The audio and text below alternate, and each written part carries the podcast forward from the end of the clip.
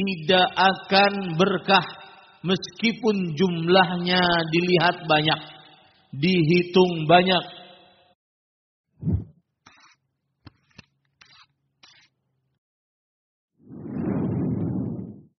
Innal hamdalillah nahmaduhu wa nasta'inuhu wa nastaghfiruh wa na'udzu billahi min shururi anfusina wa sayyiati a'malina من يهده الله فلا مضل له ومن يضلل فلا هادي له.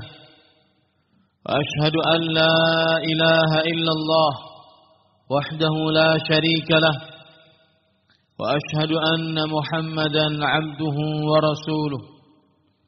يا أيها الذين آمنوا اتقوا الله حق تقاته ولا تموتن إلا وأنتم مسلمون. يا أيها الناس اتقوا ربكم الذي خلقكم من نفس واحدة وخلق منها زوجها وبث منهما رجالا كثيرا ونساء واتقوا الله الذي تساءلون به والأرحام. إن الله كان عليكم رقيبا. يا أيها الذين آمنوا اتقوا الله وقولوا قولا سديدا يصلح لكم أعمالكم ويغفر لكم ذنوبكم ومن يطع الله ورسوله فقد فاز فوزا عظيما. أما بعد فإن أصدق الحديث كتاب الله وأحسن الهدي هدي محمد صلى الله عليه وعلى آله وسلم وشر الأمور محدثاتها وكل محدثة بدعة وكل بدعة ضلالة وكل ضلالة في النار. اللهم صل على محمد وعلى آل محمد كما صليت على إبراهيم وعلى آل إبراهيم إنك حميد مجيد وبارك على محمد وعلى آل محمد كما باركت على إبراهيم وعلى آل إبراهيم إنك حميد مجيد. أيها المسلمون أحبتي في الله عافاني الله وإياكم. اتقوا الله تعالى في السر والعلن اتقوه حق تقواه. قال الله تعالى في القرآن الكريم يا أيها الذين آمنوا اتقوا الله حق تقاته ولا تموتن إلا وأنتم مسلمون Wahai orang-orang yang beriman, bertakwalah kepada Allah Subhanahu wa taala dengan sebenar-benar takwa dan janganlah kalian mati kecuali dalam keadaan beragama Islam. Ahibati fillah, afanillah wa iyyakum. Kaum muslimin yang saya cintai karena Allah, semoga Allah Subhanahu wa taala selalu memberikan afiat kepada kita di dunia dan di akhirat. Rasulullah sallallahu alaihi wa alihi wasallam sudah mengabarkan sebuah kabar yang berbentuk celaan dan berbentuk keharaman yang akan terjadi di akhir zaman di tengah umatnya. Dalam hadis sahih Rasul sallallahu alaihi wasallam bersabda, "Ya'ti 'alan nasi zamanun la yubali al-mar'u ma akhadha minhu aminal halal am minal haram." Akan datang kepada manusia suatu masa seseorang tidak memperhatikan apa yang dia ambil apakah yang halal ataukah yang haram. Ini hadis memberikan pelajaran kepada kita bahwasanya seseorang dikelak di akhir zaman tidak memperdulikan lagi dari uang yang dia dapatkan apakah hasil dari yang halal atau hasil dari yang haram. Semuanya dia masukkan ke dalam kantongnya. Bahkan sebagian orang ada yang mengatakan al-halal ma kanat fil yad wal haram ma yad. Sesuatu yang halal adalah yang sudah sampai kepada tangan kita dengan cara apa pun tampak sampainya. Sedangkan sesuatu yang haram adalah yang belum kita dapatkan. Ini adalah pernyataan yang sangat menyimpang dan persis seperti yang dikabarkan oleh Rasulullah sallallahu alaihi wa ala alihi wasallam. Ahibati fillah, afanillah wa iyyakum. Rasulullah sallallahu alaihi wasallam juga mengabarkan bahwa kelak di hari kiamat kita semua akan berhadapan dengan Allah Subhanahu wa taala. Langsung tidak ada penerjemah antara kita dengan Allah Subhanahu wa taala. Tidak ada hijab antara kita dengan Allah Subhanahu wa taala. Dan pada saat itu kita tidak bisa bergerak sampai menyelesaikan pertanggungjawaban di hadapan Allah Subhanahu wa taala dan menjawab seluruh pertanyaan-pertanyaan Allah Subhanahu wa taala. Dan salah satu yang ditanyakan adalah tentang harta, uang dari mana kita dapatkan. Dalam hadis yang diriwayatkan oleh Imam Tirmizi dari Abu Barzah Al-Aslami radhiyallahu an Rasulullah sallallahu alaihi wasallam bersabda la tazulu qadama 'abdin yawm al-qiyamah hatta yus'ala an 'umrihi fima afnah wa an 'ilmihi fima fa'al wa an jismihi fima ablah wa an malihi min aina iktasabahu wa. Tidak bergeser kedua telapak kaki seorang hamba pada hari kiamat sampai dia ditanya tentang umurnya dia habiskan untuk apa? Tentang ilmunya dia amalkan pada apa?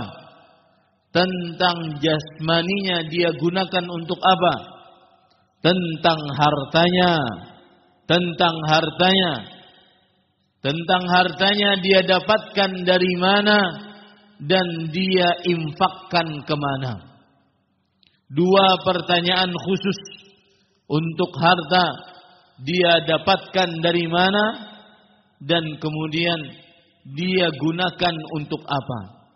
Hadis ini memberikan pelajaran kepada kita peringatan keras agar benar-benar selektif penuh dengan kehati-hatian memasukkan uang ke dalam kantong kita, menerima transferan ke dalam rekening kita, membeli makanan, minuman, baik yang kita makan sendiri dan minum sendiri, atau yang kita nafkahkan untuk anak istri kita. Jangan sampai mereka diberikan dengan cara yang haram dan harta yang haram.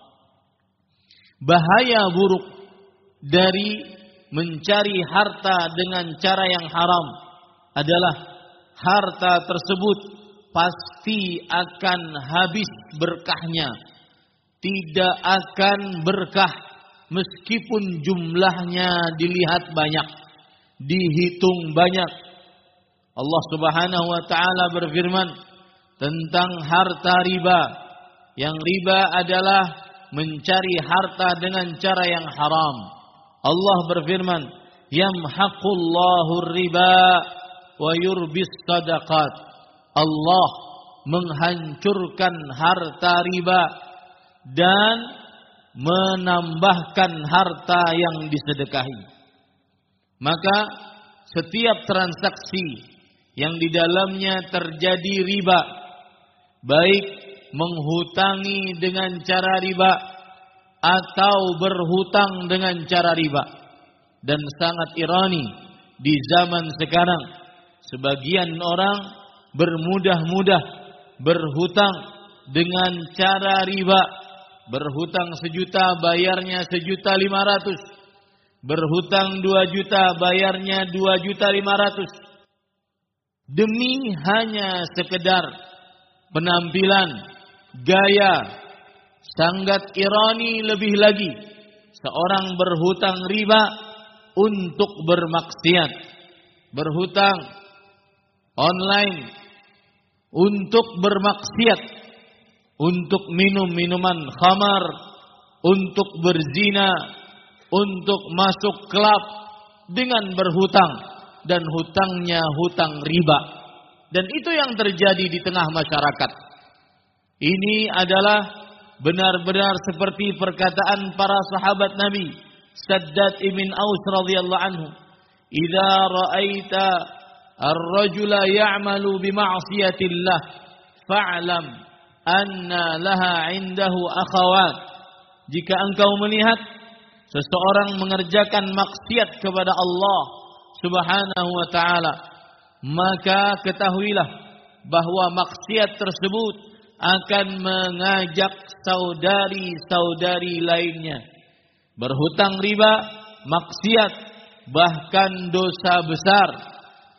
Ditambah lagi dengan dari hasil hutang tersebut dia berzina, dia minum khamar, dia berjudi, dia mengerjakan hal-hal yang diharamkan. Dan Imam Ibnu Katsir rahimahullah mengatakan yang dimaksud yamhaqullahu riba Allah menghancurkan harta riba adalah menghancurkan uangnya. Uangnya dihabiskan tanpa ada manfaat oleh Allah Subhanahu wa taala. Uangnya habis tidak terasa karena dia meminjam dengan harta riba dengan cara riba atau meminjamkan dengan riba. Jadi yang kena di sini dua-duanya. Yang diancam dengan laknat oleh Rasulullah sallallahu alaihi wasallam dua-duanya. Yang menghutangi dengan cara riba dan yang berhutang dengan cara riba. Dihancurkan oleh Allah Subhanahu wa taala hartanya atau cara yang kedua dihancurkan oleh Allah Subhanahu wa taala berkah hartanya. Tidak ada manfaat. Yang ada adalah malah mendatangkan penyakit pada tubuh, kebakaran pada rumah, kerusakan pada alat transportasi, istri tidak taat kepada suami, anak sulit belajar, pembabal gara-gara orang tuanya memberikan harta dengan harta yang haram. Di dalam hadis yang lain, Rasulullah Shallallahu Alaihi Wasallam menggambarkan buruknya harta jika didapat dengan cara yang haram, yaitu doanya tidak dikabulkan. Dalam hadis riwayat Imam Tirmidzi, "Dzakara ar-rajula yutilu safar." Ada seorang yang bersafar dalam jumlah yang panjang dan safar bepergian adalah keadaan yang sangat diharapkan untuk dikabulkan doa. Ash'asa aghbar, dia penuh dengan debu dan rambutnya lusuh, keadaan tubuhnya penuh dengan debu. Ini juga keadaan yang semestinya dikabulkan doa. Kemudian dia mengangkat kedua tangan. Dia mengangkat kedua tangan dan mengucapkan, Ya Rabb, Ya Rabb, Ya Rabb. Wahai Tuhanku, wahai Tuhanku, wahai Tuhanku. Ini juga semestinya adalah adab dalam berdoa agar dikabulkan oleh Allah Subhanahu wa taala. Walakin malbasuhu haram wa mashrabuhu haram wa ghudhiya bil haram fa anna yustajabu lidzalik. Akan tetapi pakaiannya dibeli dengan uang yang haram. Makanan minumannya dibeli dengan uang yang haram anak-anaknya diberikan makanan yang haram maka bagaimana doanya dapat dikabulkan. Akibat buruk dari makan harta yang haram, doa seseorang tidak dikabulkan. Doa seseorang tidak dikabulkan. Inilah para ikhwah yang dirahmati oleh Allah Subhanahu wa taala. Semestinya seseorang memperhatikan bagaimana dia mencari hartanya dan harus kita pahami dan yakini baik-baik harta kita tidak akan bertambah jumlahnya semua harta kita sudah ditakdirkan oleh Allah 50 ribu tahun sebelum adanya langit dan bumi. Sekencang apa pun kita mencari harta, tidak akan keluar dari batasan takdir kita. Berarti yang harus ada dalam benak kita adalah bagaimana mencari dengan yang halal. Karena jumlah nominalnya tidak akan pernah berubah. Aqulu ma tasma'un wa astaghfirullah li wa lakum min kulli dhanbin fastaghfiruh innahu huwal ghafurur rahim.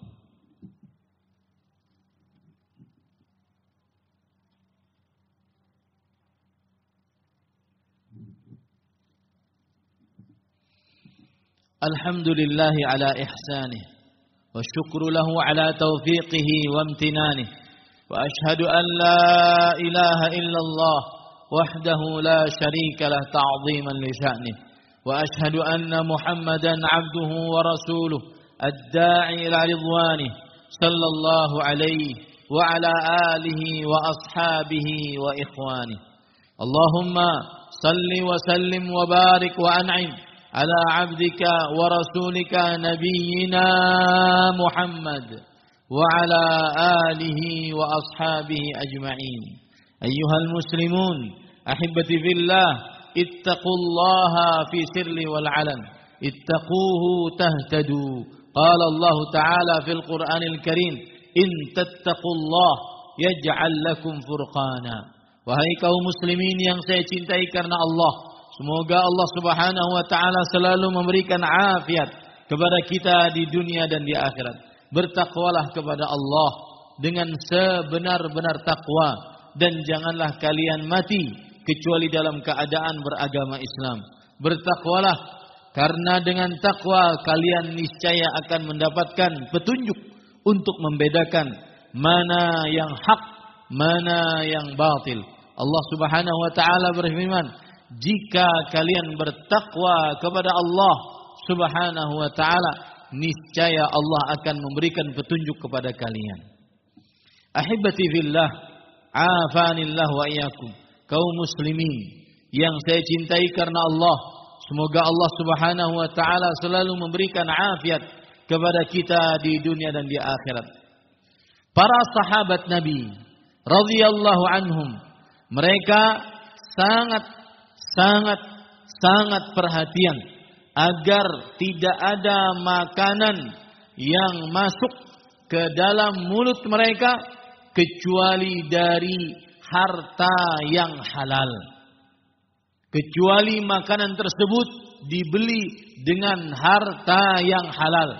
Suatu ketika Abu Bakar As-Siddiq radhiyallahu anhu diberi makanan oleh budaknya.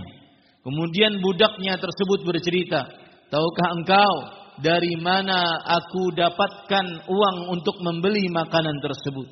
Dahulu kami di masa jahiliyah, kami melakukan praktek perdukunan, peramalan, lalu kami diberikan uang atasnya. Dari uang tersebut, itulah yang aku belikan makanan, yang makanan tersebut kamu makan tadi. Apa yang dilakukan oleh Abu Bakar As-Siddiq radhiyallahu an?